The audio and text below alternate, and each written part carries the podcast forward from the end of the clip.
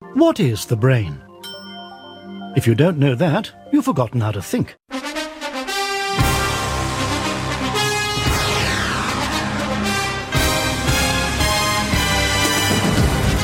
Please ensure you have your copybook at hand, as you'll be asked to take down notes from the screen at various points throughout the program.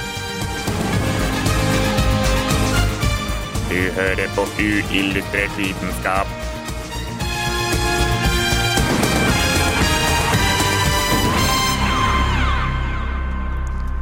Den alternative nettsida mystisk.no kan fortelle oss om den kosmologiske livstroa. Den har grunnlag først og fremst i troen på livet og på at alt i universet er én forbundet enhet. De har som mål å bringe balanse og fred i alt liv, og ønsker derfor alle former for healing velkommen. Underlig nok så påstår de også at moderne kvantevitenskap bekrefter deres syn. Dette virker litt overraskende på meg, siden ingen av mine tre universitetsfag i kvantemekanikk har nevnt noe som helst om den kosmologiske livstroa. Men hva er det egentlig som gjør at vitenskapelig dekning er en så stor autoritet sjøl for dem som ikke får lov å komme inn under vitenskapens vinger? Det skal vi spørre om i dagens sending av Uillustrert vitenskap, men aller først litt reggae. Det er Mattis Yao, 'Struggler'.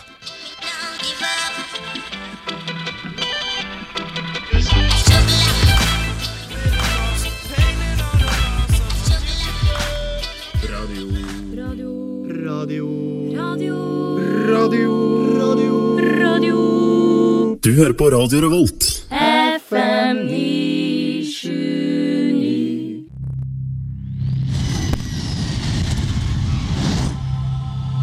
Universet er 14 milliarder år.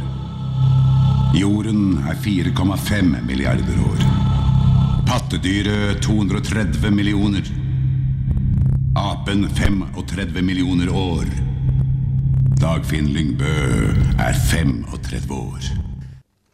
Et lite klipp fra eh, Dagfinn Lyngbøs eh, sin eh, forestilling 'Evolusjon' der, altså. Som han har vært i Trondheim med nå nettopp, faktisk.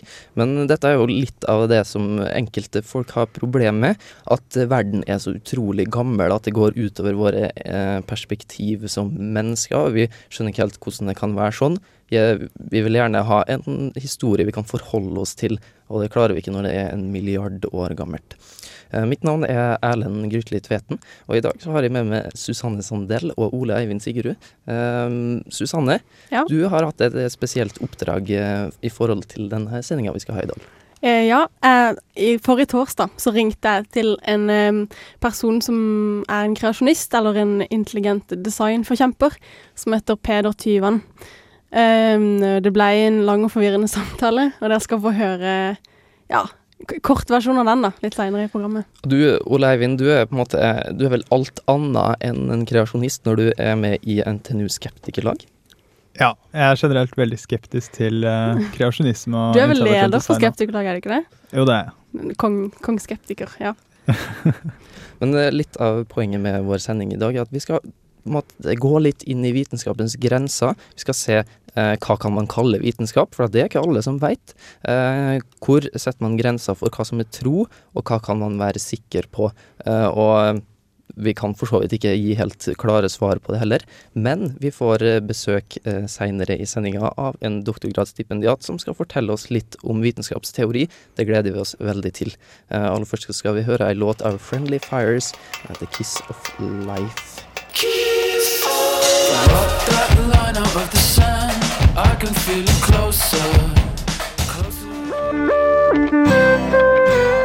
The BrainGate Neural Interface System is an investigational device designed to allow a physically disabled person to increase their independence by controlling a computer with their thoughts. Uillustrert vitenskap. Og det er Radio Revolt, og det er FM 97,9, og det er direkte fra Lukasbygget. Eh, og det, vi snakker i dag om vitenskapsteori, eh, tro, religion eh, og ekte viten. Og i den sammenheng så har eh, min gode medprogramleder Susanne prøvd å få tak i en litt spesiell person. Hvem er det? Det er Peder Tyvan. Eh, sier det er en forfatter av boka eh, 'Darwin 200 år', en festbrems. Veldig viktig å få med det. og vi hadde en, eh, en lang samtale på torsdag som dreide seg om eh, stort sett evolusjonsfolk, og hvor, eh, hvor fæle de er, på en måte. Fordi at vi har lyst til å på en måte få tak i litt sånn konkrete argument for hvorfor man skal forkaste evolusjonen, og Mm. heller ja, tro på intelligent design eller kreasjonisme. Da, Ja. Jeg gikk jo inn i samtalen med et semi-åpent sinn, da, hvis man kan si det sånn. Jeg, jeg var jo på en måte åpen for å få høre noen interessante argumenter da, som, som kanskje kunne få meg til å betvile min tro i gåseøynene på, på evolusjon, men det kom veldig lite konkret ut av det. Mm. Men uh, kan ikke vi bare høre hva som kom ut av det? De fleste har en vag idé om hva kreasjonisme er. Det er kristne folk som mener evolusjonen er en dårlig forklaring på hvordan menneskene har utvikla seg. Ifølge disse har jo ikke mennesket utvikla seg i det hele tatt. Dette temaet er såpass spesielt at jeg gleder meg stort til å ringe Peder Tyvan, leder for skapelsesbevegelsen Origo. Dessverre ble intervjuet alt annet enn oppklarende. Allerede fra første stund merka jeg at spørsmålene mine sjelden ble besvart. Jeg begynte på begynnelsen og spurte han hva kreasjonisme var. Hva er kreasjonisme? Det er et skjellsord, stort sett. Det slutter på isme. Og jeg, jeg får mye pepper når jeg kaller mine motstandere for darwinister, da. Det, det går ikke an. Darwinismen det er ikke noe som heter. Etter hvert fikk han omsider til å forklare sitt syn. Gud hadde skrevet oppskriften til alt liv. Oppskrifter som blir utført, og det kalles da med et litt finere ord som for algoritmer. For å illustrere det, så er brød, brødbaking et veldig godt eksempel. Der skriver vi oppskrifter på en papirlapp, og, og det svarer da til DNA-oppskriftene. Og så foretar vi den praktiske brødbakinga, og det svarer da til alle de biologiske prosessene, biokjemiske prosessene. Jeg holdt meg for god til å spørre om det ikke var litt prøving og feiling involvert i tillaginga av oppskrifta, noe som ville gjort brødbakinga til en bedre analogi på naturlig utvikling. Da jeg spurte hvilke vitenskapelige funn som kunne støtte opp om kreasjonisme, fikk jeg følgende svar. Der, der kommer du med et maktargument. Funn. Det, det, er et, det, er et, det, er et, klasse, det er noe av det mest Der kommer du faktisk med et av disse her, eh, reklamesetningene. Altså, Da kunne jeg nesten ta et lite kurs i retorikk her. For det fins fem retoriske nivåer. Det er noe jeg sjøl har utvikla for så vidt. Men det er, altså, du står på nivå fire. For du sier ikke hva, du, du sier ikke hva funn skal handle om, og hvordan det skal tolkes. Det er helt greit når du ikke, vant, når du ikke tenker over det. det. Men du sier at jeg skal operere på nivå én, for jeg skal komme på med funn.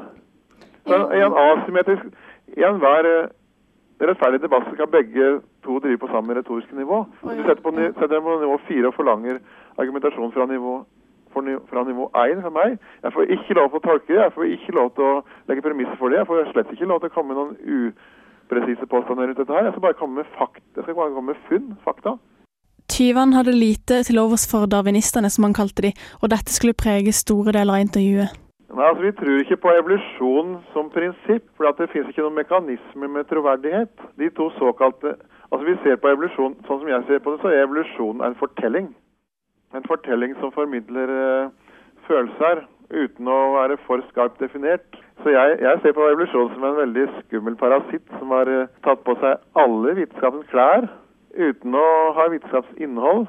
For den, vil jo, den er jo ikke i stand til å argumentere. Det som er problemet med evolusjon, som såkalt vitenskap, er at den er ikke i stand til å argumentere uten å bruke makt. altså.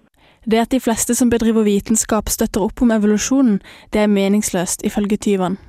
Vitenskapelig konsensus det er et ord som mange tror på, men det er jo helt feil. Det fins ingen vitenskapelig konsensus. Det fins politisk konsensus om vitenskap. Man blir enige om hva som skal gjelde som sann vitenskap.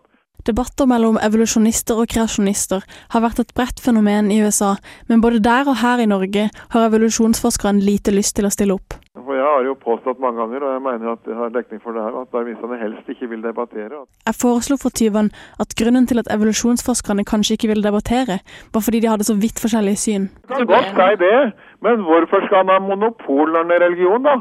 Vi står for åpenhet. Vi står for en forbilledlig, vitenskapelig nøkternhet og åpenhet. Det blir jo kanskje også litt mye krangling med sånne debatter. Krangling? Det er jo de andre som krangler. Jeg prøvde også å hinte til at ikke det var så mye å debattere, fordi intelligente designfolka ikke drev med vitenskap. Å jaså, gjør vi ikke det? Nei, Vi blir stempla som uvitenskapelige. Sannheten er at vi er mye mer vitenskapelige i våre grunnholdninger enn darwinistene. Det ble også mye snakk om en debatt tyvene skulle ha hatt med en viss Jarl Giske, men møtet ble avlyst. Vet du hva som var hans argument for, å forhindre hele debatten? Mm. Jo, han roste mitt syn, på en måte. Det har han aldri gjort før. Men så, men så tok han avstand fra min form. Altså, jeg kan ikke fremme mitt syn pga. min usaklige form. Og det kommer fra en mann som har lessa så mange personkarakteristikker på mitt hue og har sagt så mye om min person og mine meninger i det offentlige rom. Jeg har ennå aldri sagt noe negativt om Jarl Giske som person. Jeg har heller ikke brukt de ordene som du brukte nå. Med ordene jeg brukte, refererer Tyvan til at jeg kalte Giske for frekk, som kom med personlig angrep mot Tyvan, hvorpå Tyvan responderte 'det er dine ord'. Men det er jo naturlig at du brukte de ordene, det skjønner jeg godt. En som har sagt så mye negativt om min person, skal ha troverdighet til å si at mitt syn må vernes mot min person. Den er ganske drøy, altså. Det er det nærmeste jeg har vært å få debatt med en Darwin-professor i år. Så kreasjonære vitenskapsmenn som Peder Tyvan har ikke mye hell med å få i gang en offentlig debatt. Selv må jeg innrømme at jeg gjorde meg dum i intervjuet. Jeg skjønner utmerka godt hvorfor ikke vi ser så mange sånne debatter i Norge. Det som skjedde da jeg etterspurte vitenskapelige funn, var jo at han mente at jeg brukte makt. Hvis man ikke kan få svar på et så grunnleggende spørsmål, hva er poenget med en debatt? Nei, Peder Tyvan og jeg vi lever på vidt forskjellige planeter. Det lærte jeg i alle fall. Radio Revolt. Peder Tyvan og Susanne Sandel lever på vidt forskjellige planeter. Det kan vi kanskje høre fra det her intervjuet her. Mm. Uh, men eh, det, vi, det jeg lurer litt på, jeg er egentlig ikke så veldig interessert i å høre på uh, argumenter for kreasjonisme, og det var det vel heller ikke så veldig mange av akkurat her. Eh, men han mener jo det at det er en politisk konsensus om hva det er som skal være vitenskap og ikke. Mm. Og at det er noe som sitter på toppen, en- slags konspirasjonsteori, da. Ja. om at det sitter noen på toppen og bestemmer at dette her skal være lov, og dette her skal ikke være lov. Eh, og ehm, ja, eh, du sa til meg tidligere i dag, eh, Susanne, at han brukte noe argument som, som, som du kanskje ville brukt tilbake til han. Ja, jeg syns det var interessant å høre på. Um, for at man, man sitter jo sjøl og tror at man Altså, man sitter på sannheten. Altså, jeg føler jo at det han snakker om er bare tull, og det jeg mener er helt riktig. Men så er det så interessant, syns jeg, at han kan sitte med totalt forskjellige meninger fra meg, og mener at han sitter på sannheten. Og han kan kalle evolusjon for et eventyr, eh, med helt feile antakelser og helt fra bunnen av at det er grunnleggende feil. Og jeg syns at det er litt rart, da, for jeg ville jo sagt det om kreasjonisme, at det var et eventyr. Eh, liksom Bibelen og Gud skapte ditt, Gud skapte dette, at det blir gammeldags og ja, bare et eventyr, da. Men hvordan kan vi da som vitenskapsmenn vite at de, de grunnene vi har for å eh, drive med det vi driver med, eh, hvorfor er de mer verdt enn argumenter til Peder Tyvan? Eh, det skal vi snakke med en som heter Ronny Myhre om, eh, og han kommer inn i studio etter denne her låta her av La Roux, I'm Not Your Toy.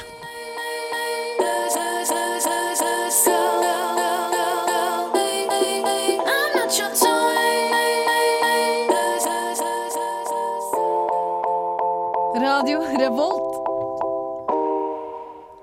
Du hører på uillustrert vitenskap på Radio Revolt FM 97,9. Vi snakker om kreasjonisme, vitenskapsteori, religion og viten. Og vi har fått eh, besøk i studio av eh, Ronny Myhre. Velkommen. Eh, kan ikke du fortelle litt hva du gjør på? Ja, jeg er stipendiat på Filosofisk institutt her ved NTNU. Eh, Jeg jobber med ja, hva skal jeg kalle for noe? Altså primært nevrovitenskapens filosofi. eh, Og litt biologiens filosofi i forbindelse med det. Så det er primært vitenskapsfilosofi eller vitenskapsteori jeg jobber med. da. Vi hørte Peder Tyvan i stad som uh, prata om at han følte han ikke fikk innpass i eh, vitenskapens eh, eh, Ja, vitenskapens eh, Skal vi kalle det en slags fotballbane, da, der man spiller vitenskap. Eh, hvorfor får han ikke det? Kan du forklare det litt enkelt? Ja, det er, eh, det er jo egentlig et eh, spørsmål med mange svar. Eh, altså Kreasjonisme i Norge har jo aldri vært akseptert eh, som eh, en legitim vitenskapelig disiplin, til forskjell fra USA f.eks., hvor i hvert fall visse politiske miljøer vil akseptere det som vitenskap.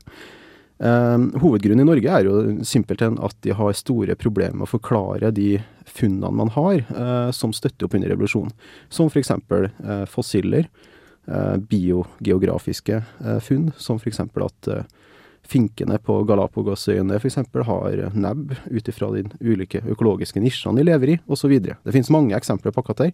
Man har store problemer med å forklare det. Hva, hvorfor er dyrene slik som de er? Eh, hvorfor er de, ser de ut som de gjør? Og Hvorfor eh, har vi de fossilene vi har, eh, vil si de fossilfunnene vi har.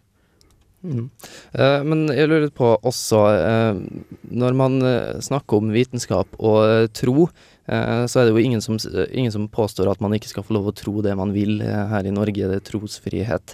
Men vitenskapen har litt strengt definerte regler om hva som må være til stede for at det skal kunne kalles en vitenskap. Hva slags regler er det? da? Det er nok litt forskjellig eh, ettersom hva slags vitenskap man snakker om, men hvis vi da, la oss si at vi snakker her om, eh, om biokognitive eh, disipliner generelt, altså det vil si biologi, kognisjonsvitenskap, såkalte myke naturvitenskaper, så er det veldig hensiktsmessig å skille mellom et, hva skal vi kalle det for noe, et deskriptivt nivå, altså hvor vi beskriver funn eksempel, beskriver hvordan ting ser ut, hvordan de oppfører seg og så. Og så har vi også et annet nivå som er veldig viktig for vitenskap, for disse vitenskapene. Det er det eksplanatoriske eller forklaringsnivået, som forklarer hvorfor ting ser ut som de gjør. Og den, den siste biten er jo svært viktig. Og, og spørsmålet ditt eh, da, som svar, er jo rett og slett at uh, suksess innenfor disse vitenskapene måles jo da ut ifra om de har gode eller mindre gode forklaringer. Og dette er jo noe som selvsagt avgjøres over lengre tidsrom, men eh, når det gjelder akkurat kreasjonismen, så har det jo veldig lite å vise til. Eh, og i perioder så har jo selvsagt også deler av eh, naturvitenskapene, altså myke naturvitenskaper, også alt lite å vise til, men over lengre tidsrom da, så har man mer å vise til. F.eks. genetikk. Eh, det, det, det ble jo ikke et forskningsprogram før på 1920-tallet, eh, etter Morgan omtrent, kan vi si. Litt forenkla sagt. Men det som ofte blir brukt som, som argument av kreasjonister, er jo at evolusjonsteorien bare er en teori. Og hva, hva mener de med det, og hvorfor er det eventuelt feil? Ja, det er også en teori. Altså, hvis man da tar utgangspunkt i dette skillet mellom, eh, mellom eh, et deskriptivt nivå, eh, så er det jo ingen teori. Altså, vi har jo fossilene. Fossilene er jo der. Det, hvem som helst kan gå ned hvilket som helst naturhistorisk museum og se disse fossilene. Vi har f.eks. fossiler som var veldig viktige på 1800-tallet, som representerer en mellomting mellom dinosaurer og fugler, f.eks., som tyder da på at fuglene er etterkommere av dinosaurene. Altså at det er en, reptil. Eh, Eh, Vi har eh, Hvem som helst kan, kan se i naturen altså at, eh, at arter i naturen de ligner på hverandre. Det er ikke bare slik at de, at de, er, at de har funksjonelle trekk, eller, eller se, har, trekk som er optimale i forhold til sitt miljø, eller at de er designet til sitt miljø, da, som kreasjonisten vil si. Det er også slik at de har, de har, trekk som ligner på hverandre, som tyder, da, tyder da på at de er at, de er, eh, at det er en nær eh, eh, forbindelse her som går utover at de er skapt i sitt miljø, som kreasjonistene vil forfekte. Mm, Vi skal høre litt mer fra eh, Ronny Myhre om eh, vitenskapsteori etter ei låt av AD and Abilities som heter Smile.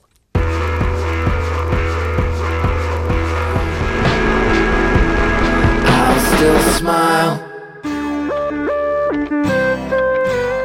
The BrainGate Neural Interface System is an investigational device designed to allow a physically disabled person to increase their independence by controlling a computer with their thoughts.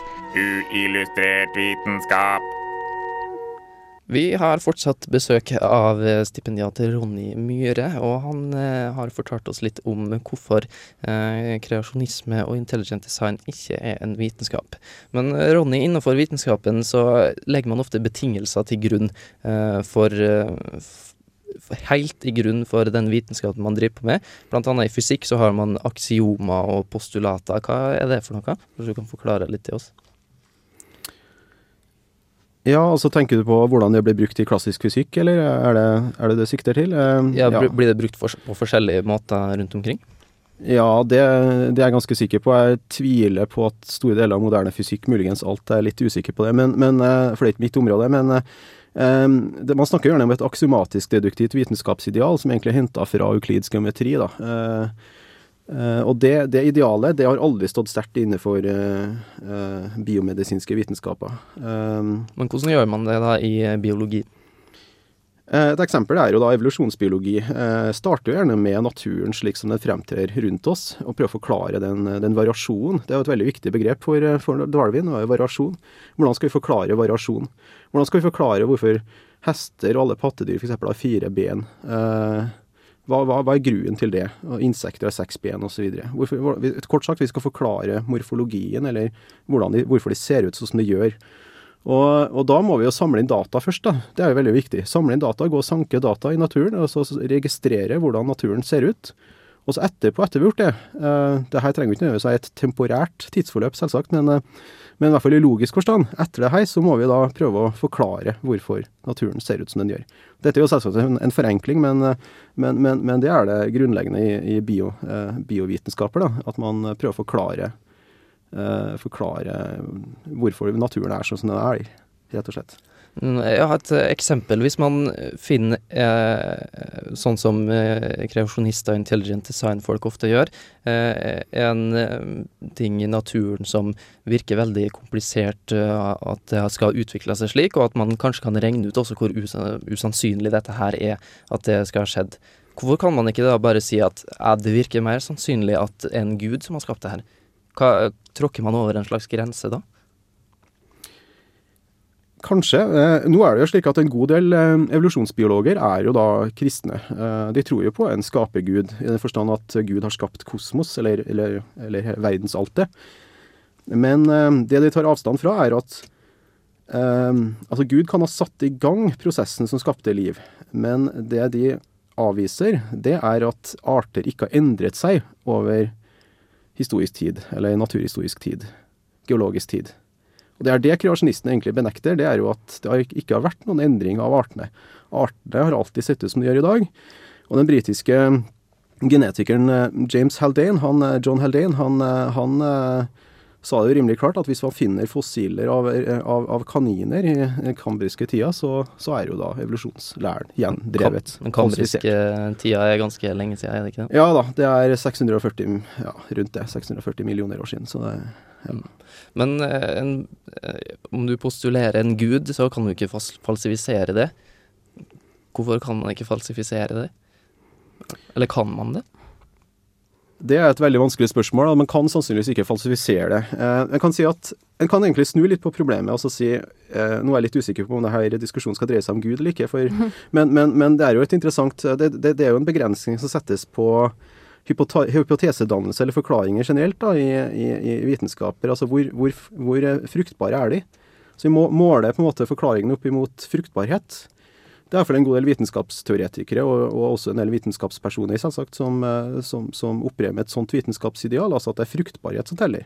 Altså Hvis mine forklaringer er i stand til å forklare mer, og gi mer frukter enn dine forklaringer, så er mine bedre. Nå kan jo dette endre seg over tid, selvsagt, men det er en sånn enkel tommelfingerregel for å måle vitenskapelighet. Men man har jo også et sånt begrep, eh, metodologisk naturalisme. At man ikke skal forske på hva man ikke Ja, hva går det egentlig ut på? Ja, metodologisk naturalisme er jo en, eh, er jo en, eh, en forutsetning man ofte gjør. Da. At man eh, antar at det ikke er noe utenfor ja, den fysiske verden eller den tidromlige verden eller, eller naturen, da, kan vi si, som griper inn, og som, og som ja, griper inn, kort sagt, inn i naturens prosesser. da. Det er jo en forutsetning, kan man si, på ett nivå, men den er, den, den er jo pragmatisk, den også. Det, altså Man er jo beredt til å endre på det også, hvis man plutselig finner en del anomalier eller, eller uforklarligheter da, i naturen.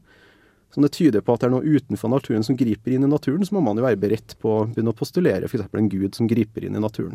Mm. Det tror jeg aller fleste vitenskapspersoner er enig i.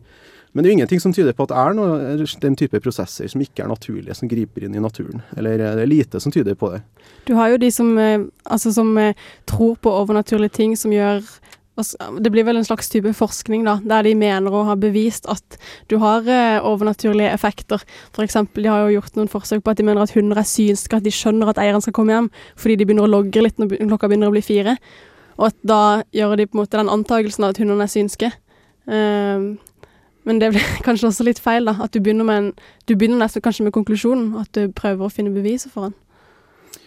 Ja, det, det, det, finnes jo en rekke eksempler som du, som du, du gir her, eh, og beslekte eksempler. Og det er, eh, det er veldig vanskelig å forklare. Altså, det er noen som oppriktig mener at de har sett f.eks. ting som ikke er, er, er mulig ifølge andre, eller mulig ifølge vitenskap. Um, et veldig kort svar på det er jo at um, øye... Eller hva skal vi kalle det for noe? Personlige oppdagelser, personlige beretninger eller, eller uh, erfaringer, da, personlige erfaringer, ofte ikke er spesielt holdbare. Det her høres kanskje eh, kontraintuitivt ut, og det er det jo også. Men, men det er ganske mye forskning innenfor kognitiv vitenskap og kognitiv nevrovitenskap som tyder på at eh, det, det at uh, sine egne erfaringer ikke alltid er å stole på. Da. De er ikke alltid reliable eller, eller pålitelige. Mm. Da kan vi si tusen takk til det, eh, Ronny Myhre, for at du stilte opp her i dag.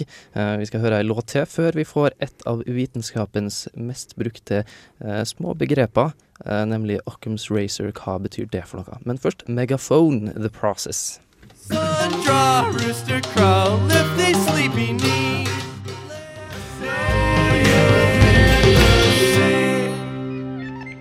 Du hører på Radio Revolt, studentradioen i Trondheim.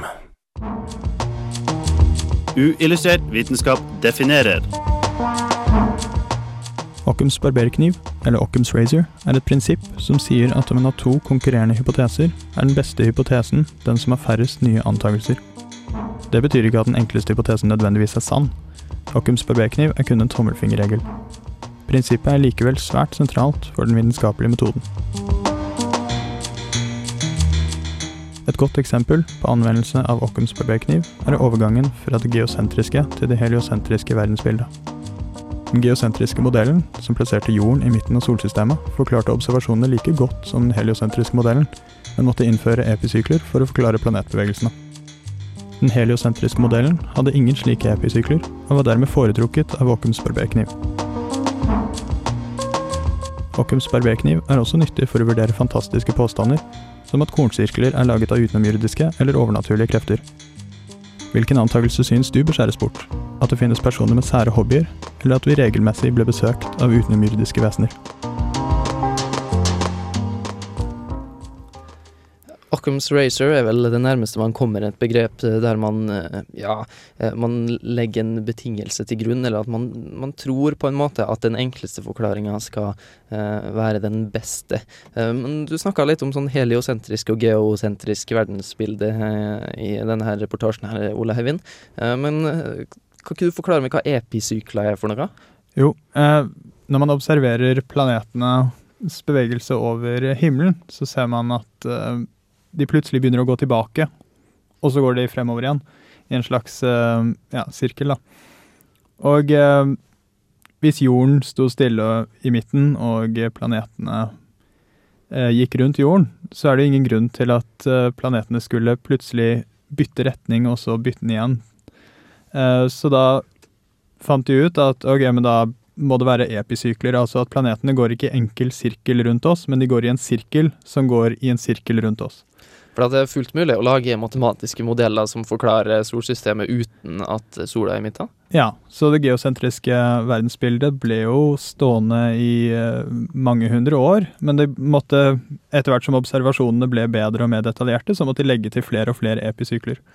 Og så kom jo det heliosentriske verdensbildet med solen i midten, og jorden var bare én av disse planetene. Og da løste det hele problemet med disse planetvandringene uten episykler. Mm. Så på en måte man, eh, man tenker seg at, eh, at, man kan bruke en modell som, eh, som, forklarer ting enklere. Da er det fordelaktig i vitenskapen. Ja, at man sier i hvert fall at det er mer, mer sannsynlig at den stemmer, fordi man fjerner antagelser som ikke påvirker den testbare observasjonen. Men uh, dette går jo sannsynligvis an å bruke, eller alt ettersom hva man sjøl syns er den beste forklaringa på ting. Uh, men, men, kan vi anvende det her på en slags kreasjonisme-evolusjonsdebatt? Det kan man jo. Um, evolusjonsteorien forklarer jo utviklingen av dyrearter um, ved hjelp av kjente, observerte biologiske og kjemiske prosesser. Uh, eller ja, hovedsakelig biologiske og genetiske prosesser. Mens um, kreasjonisme og intelligent design henter jo inn nye antakelser da, om um, f.eks. en intelligent skaper, som vi ikke tidligere har visst noe som helst om. Det er snart klart for uh, uillustrert vitenskaps uh, aller beste faste spalte. Den heter Fun Fact-skolen. Den gleder jeg meg veldig til.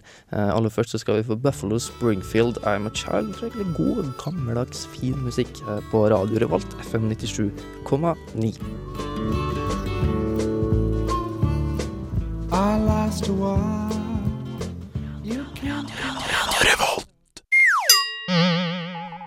Illustrert vitenskaps fun fact-skole. Vær midtpunktet på neste vorspiel. Verdens største organisme er en honningsopp i Blue Mountain i USA. Soppen dekker et område like stort som 1270 fotballbaner, og er 2400 år gammel. Fantastisk. Men eh, jeg hørte rykter om at det her var ikke helt, helt, helt, helt sikkert. Hva- Nei. Um, vi visste, eller de visste jo lenge om disse honningsoppene i det området, da. Og så viste det seg, etter å ha tatt eh, en haug med DNA-tester da, fra sopper i hele området, at de var jo identiske. Det var, de var, Det var sam- samme soppen. Samme soppen, alt Mm. sammen. De var kloner, eventuelt. Um, og um, de fleste av disse er jo koblet til da, Koblet sammen da, under bakken. Så det er én organisme, eller i hvert fall mange av dem. Men diskusjonen er jo i om er alle det, eller er det kloner som da ikke er samme organisme. er litt vanskelig å finne ut. Da må man kanskje grave opp alle delene av denne soppen for å finne ut. Ja. Jeg trodde forresten at det var blåhvalen som var den største organismen, men der Kanskje tok jeg feil. det er vel virkelig største feil. pattedyr? Eller ja. Ja, det er det største dyret. Største dyret. Ja. Mm. Mm. Vi skal høre mer musikk eh, Håre mer musikk på Radio Vi skal Revolt. hore mer musikk nå. Det blir mer eh, litt sånn groovy musikk med Method Man and Redman. I know something. Hey, hey, yo, Mel. It's time we came in the motherfucking club, nigga.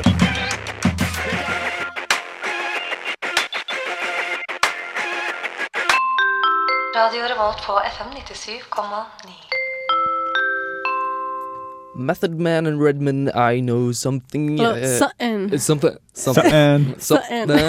I know også at det blir Illustrert vitenskap neste uke, neste tirsdag klokka fire også. Og hva handler det om da, Ole Eivind? Da tenkte vi å eh, ta opp eh, den veldig omdiskuterte Betania Malvik-saken, som eh, ja, går på litt tvilsomme terapiformer som er blitt gjort på et eh, traumesenter her utenfor Trondheim. Mm, veldig interessant, det altså. Og lokalt innhold, ikke minst. Vi begynner å nærme oss slutten i uillustrert vitenskap eh, for i dag. Eh, Vi har kanskje ikke kommet noe nærmere om hva som er tro og hva som er viten, men eh, vi får håpe at det ligger i gode hender, i hvert fall. Jeg håper at jeg har satt i gang litt filosofiske prosesser inn i lytternes hjerne. Mm. Etterpå nå så får vi Globus, det er utenriksmagasinet til eh, Radio Revolt. Eh, Men først er det Hank Williams III fra Nashville, eh, Tennessee, som skal få lov å avslutte vår sending. Tusen takk for oss. Ha det bra. Ha det godt.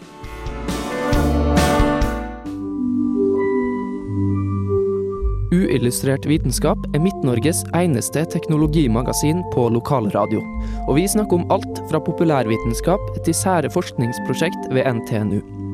Radio Revolt, studentradioen i Trondheim, er stolt av å kunne presentere podkaster fra de aller mest populære programmene våre. Hvis du har lyst til å høre mer fra Radio Revolt, hvem vi er og hva slags musikk vi spiller, så kan du høre oss på FM-båndet i Trondheimsregionen, eller streame sendingene våre live på radiorevolt.no.